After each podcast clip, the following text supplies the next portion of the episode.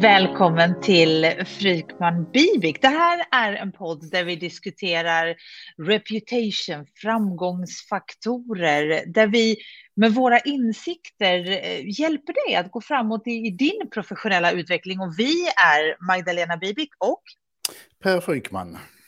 Och idag så har vi del ett av två där vi ska slå hål på några managementmyter. Och det, där, det är någonting vi gillar att göra. Så att, eh, be prepared, för här ska vi, här ska vi tycka till och, och trycka till. Och, och vi tar tre managementmyter den här gången och sen nästa vecka så fortsätter vi med två till. Annars hade det här avsnittet idag blivit alldeles för långt.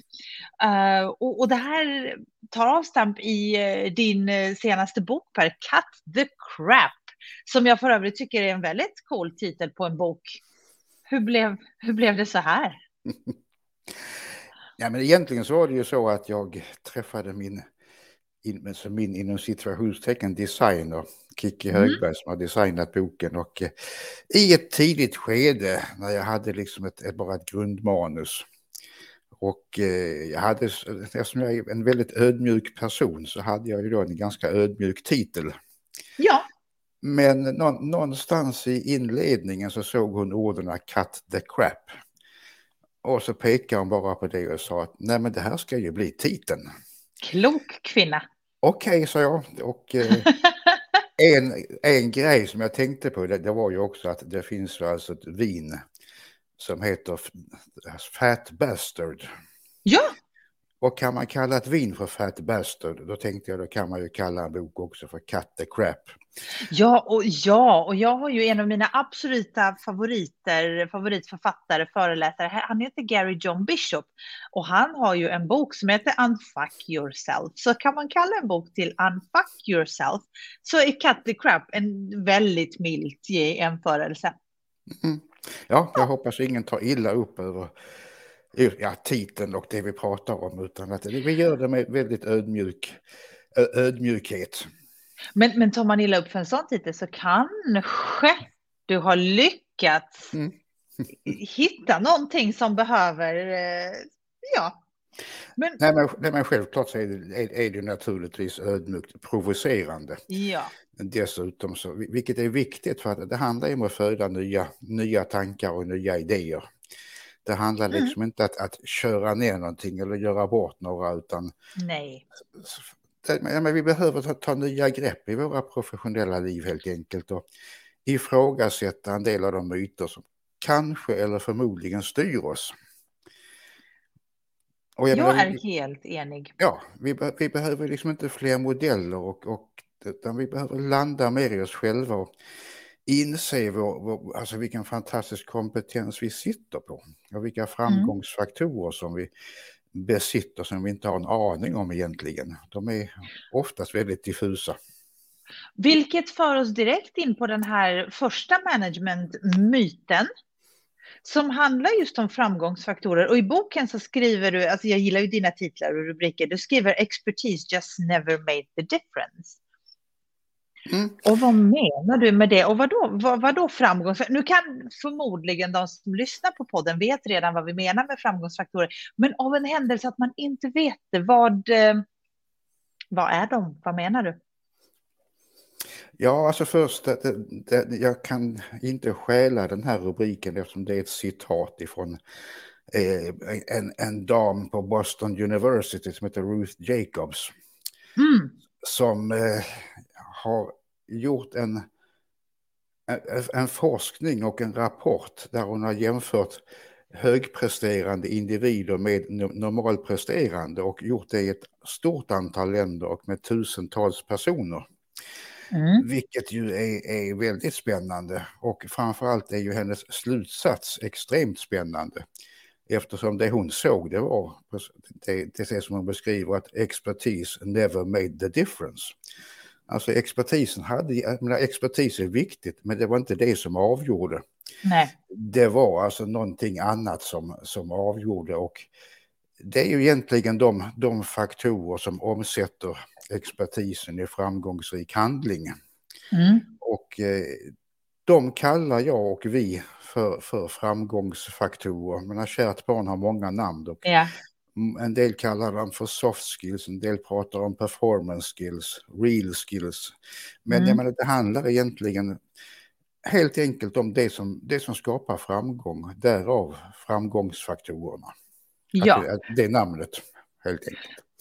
Precis, och det finns ju undersökningar som säger, bland annat från Carnegie Institute, att de står för 85 procent av, eh, av våra resultat. Ja, men det, det, är ju jättespännande eftersom det, de har ju undersökt då eh, konsulter inom techområdet och tittat på vad skapar finansiell framgång för, för tekniska konsulter. Och för att där tänker man sig ju att expertisen ska ju vara 100 procent. Ja. Men, men det var som, som man beskrev att only a shocking low 15 procent mm. var beroende på, på deras, deras expertis. Allt annat var beroende på de här framgångsfaktorerna. Och jag blev, blev, blev lite förvånad för att den där siffran 85 procent kommer igen Tack. i ett antal mm. rapporter. Ja. Jag menar både, både från LinkedIn, det kommer igen ifrån Google, det kommer igen ifrån World Economic Forum. Så att någonstans så tror jag att vi ganska tryggt kan luta oss på att framgångsfaktorerna består, alltså det är 85 procent av resultaten. Och det som är spännande tycker jag det är ju att de är ju diffusa för nästan alla. Vi har ja, ingen ja. aning om hur de ser ut. Man vet att om en människa har det, men vad 17 är det då? Mm. Ja, och, och det är, alltså, för mig är det här den absolut särklass viktigaste kompetensen. Och, eh, ja. Jag tror att det är den största utmaningen inför 2023 att verkligen mm. ta reda på hur de ser ut och, och eh, det finns en väldigt bra metod och, och det är naturligtvis att titta på vårt professionella rykte ja. eller vårt reputation ja. eftersom andra ser de här mycket bättre än vad vi, vad vi själva gör. Kan man inte då säga också att, att din alltså faktiska sakkompetens numera är en hygienfaktor? Det är inte någonting du kan komma in och konkurrera med för att alla som, som söker det här uppdraget eller alla som är aktuella för någonting har ju den här sakkompetensen i alla fall. Så då är det liksom, vad är det då som, som gör att du får det över någon annan? Nej, men det handlar ju, det handlar ju uteslutande om eh, de här framgångsfaktorerna ja. som, som soft skills eller performance skills. Men jag väljer att kalla dem framgångsfaktorer. Men tänk då om man vet dem och så vet man att världen ser dig som det här och så kan du liksom förstärka det och bejaka det. Så det är rätt coolt. Ja, jag jobbar ju med en konsult som pratar om att polera sina styrkor ja, eller polera sina framgångsfaktorer. Det det är, snyggt. Ja. Nej, och jag menar, det, det, det, är ju alltid andra som ser de här som vi sa och jag menar, mm. det, är alltid andra som rekommenderar en, det är alltid andra som, som marknadsför en, det är alltid andra som pratar om en och alltid andra mm. som hyr in en. Mm. Och då tror jag att det kan vara väldigt bra att lyssna på vad andra, hur andra ser dina styrkor. Ja. Och, och dessutom när, när, du pratar om expertis som en hygienfaktor, det, eh, det finns en, också en ganska intressant ett intressant resultat som kommer fram ur de här reputation-analyserna och det är alltså den upplevda nivån mm. på expertisen, vilket jag ser är, är ofta väsensskilt från ja. vad, vad, vi själv tror, för att vi ofta sätter man ju sin, sin expertis som en titel. Precis, och tror att det ska göra jobbet åt oss. Liksom. Ja, ja. Mm. När det är själva verket så är det ju den upplevda nivån på expertisen som mm. är helt avgörande och vi är långt mer kompetenta än vad vi själva tror. Vilket är en fantastisk upptäckt och insikt. Så myten då att expertis ska vara det som är avgörande för ens framgång, nej, den slår vi hål på. Mm. Ja? Definitivt. Men, men nöje. Nästa. Du eh, är inte bättre än ditt senaste projekt, vad säger du om den Per? ja, men det är också en sån där gam, gammal myt som har hängt med i alla år. Man, man läser det gång på gång att du är ja. inte bättre än, än ditt, ditt förra projekt. Mm. Och jag menar, ska man använda ett engelskt ord ska jag bara säga det är bullshit. För att jag menar, hur länge, alltså det är alltid förväntningarna som styr. Ja. Du vet du, förlåt, vi skulle ha haft en sån där knapp, en sån som har ljudeffekter som säger cut the crap. Cut the crap och så skulle jag tryckt på den så cut the crap. Ja, men det kan, kan, kan, kan, du väl lägga in.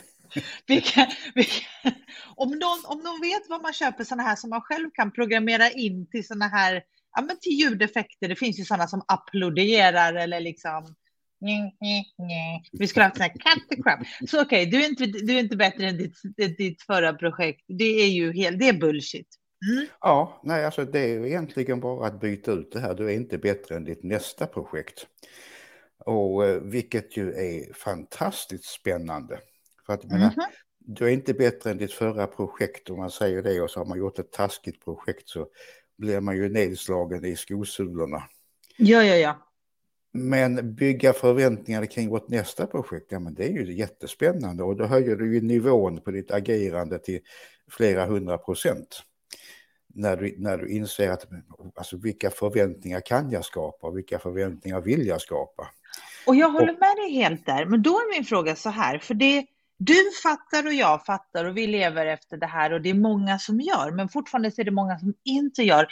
Hur ändrar man någons mindset där? Vad är det man behöver gå in och förklara? För det kanske inte säger att du sitter på en anställningsintervju till exempel eller ska pitcha in ett projekt och så har du en kund och så vill du ha det här jobbet. Så. Då kanske du inte är så stursk att du säger, men hörru du, du är inte bättre än ditt... Alltså, det, det, det är liksom...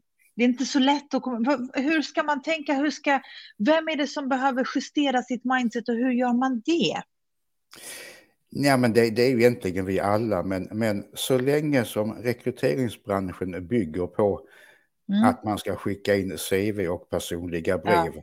då, då, måste man ändra mindsetet på hela rekryteringsbranschen.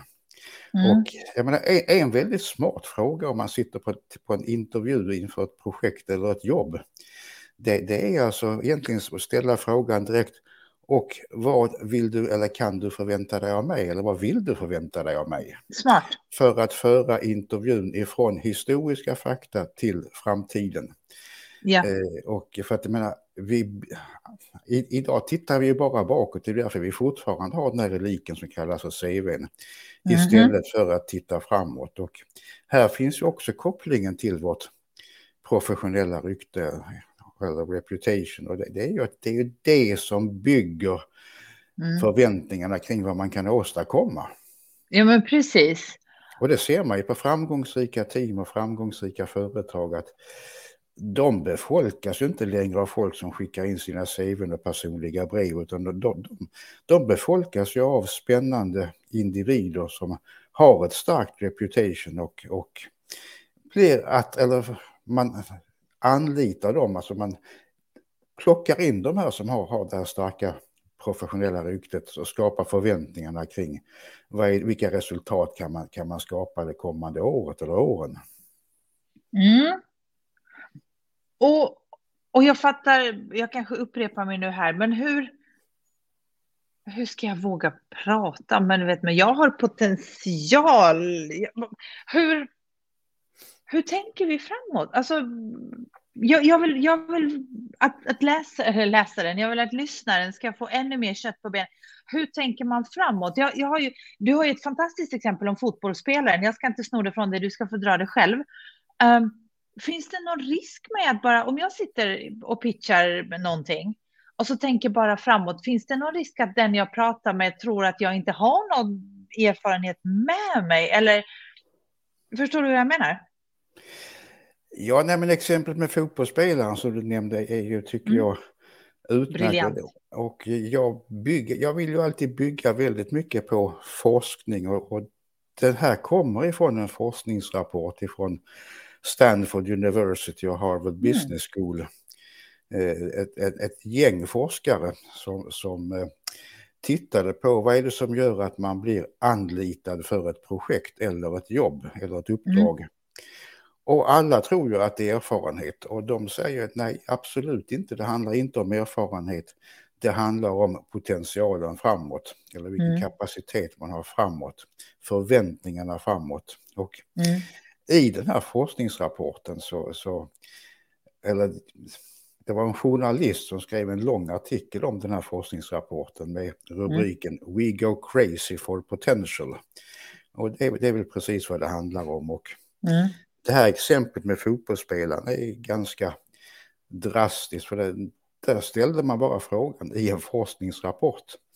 Alltså lek med tanken att du sitter med ett stort antal miljoner och ska köpa in en fotbollsspelare. Mm. Eh, du har två stycken att välja på. Dels den som gjorde 30 mål i ligan för 3-4 år sedan. Eller den som du förväntar dig ska göra 30 mm. mål kommande säsong. Vilken väljer du? Det är enkelt.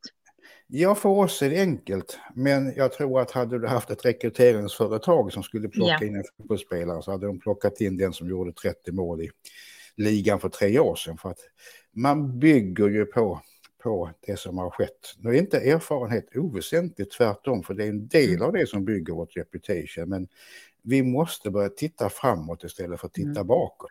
Men då ska ställa en direkt fråga. Vi leker med tanken.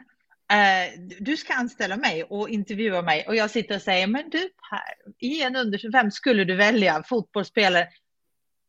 Hade du tyckt att vilken cool och kaxig människa? Eller hade du tyckt, vem tror du du är? Ja, och då handlar det om vem jag är. Är jag ja. en traditionell rekryterare så hade jag kanske tänkt vilken kaxig människa jag En framåtriktad rekryterare och de finns, ja. det finns ju spännande rekryteringsföretag ja. som tänker på ett annat sätt. Då hade du nog kunnat få jobbet tämligen omgående eller ja, ganska snabbt. Bra. Sen är det förstås så här att jag menar om, om om jag ska in i ett projekt tillsammans med dig, då är det inte bara upp till mig att leverera där, utan då är det ju dig och oss tillsammans. Så att det är därför jag är inte bättre än mitt nästa projekt, för att vi vet ju inte hur förutsättningarna har varit tidigare. Vi har ju ingen aning och ska man då mätas på någonting som kanske i vissa fall har varit utom min kontroll. Jag kanske har varit i ett projekt som inte har fungerat och ska det liksom påverka mig framåt egentligen så är det helt befängt. Mm. Nej, det märkliga är att jag menar, alla vet ju det här att det är förväntningar som mm. avgör. Ja. Men ställer man frågan till en person, vad kan man förvänta sig av dig i framtiden? Mm. Eller vad kan man förvänta sig dig kommande år? Det blir ofta tyst. Man, man tänker inte så. Nej. Och jag, jag, men jag, I en tidigare poddavsnitt har jag berättat när jag jobbade med ett, ett gäng finanskonsulter i, mm. i Stockholm. Eh, och frågade dem alltså vad driver er verksamhet? Ja, förväntan om avkastning. Förväntan om en viss procentuell in, eh, intäkt eller in, på den insatta kapitalet mm. eller tiden. Mm. Ja, det är spännande. Så, ja, men vad kan man förvänta sig av dig som konsult, som finanskonsult? Yes. Det var alldeles tyst. Märkligt. Ja, men det var så att vi har, så, så har vi inte tänkt, men när de fick reda på sitt professionella rykte eller mm. reputation, ja men då var det uppenbart. Då såg de direkt mm. vad man kan förvänta sig av, av dem ja. som, som individer. Ja. Men då har jag en tredje myt här. Trevligt. Man, man ska ju absolut inte bry sig om vad andra tycker. Det är så roligt för mig, för jag, kan, jag, jag får liksom spela ut i det här avsnittet lite grann och bara hålla på och ha mig lite. Vadå, ska man inte bry sig om vad andra tycker?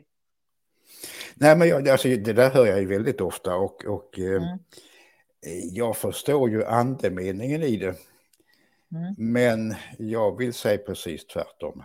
Du ska bry dig väldigt mycket om vad andra tycker och tänker för att ja. det är ju ditt, ditt professionella rykte, ditt reputation. Sen finns det naturligtvis en privat sektor där, där ja, det kan vara en massa käbbel och trams. Och, och, eh, ja. men, men professionellt, ja, du ska bry dig väldigt mycket om vad andra, vad andra, vad andra, vad andra tycker. För, men det finns inget viktigare än ditt reputation. Men det är den Nej. gyllene nyckeln som, som får dig att, att bli ja, få dig anställd, ja, ja. få dig i kontakt med spännande människor och, och spännande möjligheter. Det öppnar upp alltså enorma möjlighetsfönster.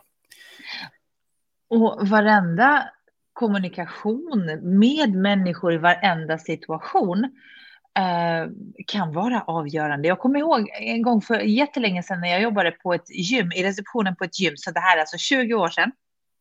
Eh, så sa en, en, kollega till mig, dåvarande kollega, hon sa att alla kunder kan vara ett test, en testkund. Och, och jag tror att Jeanette, som hon heter, hon var, hon var liksom den här äldre och lite kloka och visa kollegan. Och vi var småttingarna som precis började jobba där och tyckte att det var lite high life. Uh, och, och, så sa hon, men tänk på att alla kunder kan vara en testkund. Och jag tror att hon menade i uppfostrande syfte. Eh, men för mig blev det så att, men vad häftigt, då, då utgår jag ifrån att alla kunder är testkunder och så ska jag liksom pass the test. Men det roliga är att det har ju hängt kvar med mig i 20 år av mitt yrkesliv och inte i form av att jag eh, alltså, räds för testet, utan jag är mån om att klara testet varje gång. Um, vilket är väldigt roligt, för det, det, hänger ihop med då ens professionella rykte. För jag är ju mån om, jag, jag är inte mån om att, att, andra ska gilla mig, men jag är ju mån om att alla ska tycka att jag är alltså, schysst professionell person, även om inte vi är en, liksom, ense i sak. Det ska inte finnas någonting, jag ska inte bete mig på ett sätt, alltså, som du förstår. Um, men det där hon sa för 20 år sedan satte verkligen liksom prägel på Alltså hur jag beter mig i yrkeslivet. Ja, nej men, nej, men det förstår jag. Så att det är... Och det är ju alltså, då är vi tillbaka till det här som jag, jag sa för en stund sedan, att mm. det är alltid andra ja. som, som ser, ser det här bättre, som ser våra styrkor, ser våra svagheter, eller buggar som jag kallar det för, mm. svagheter.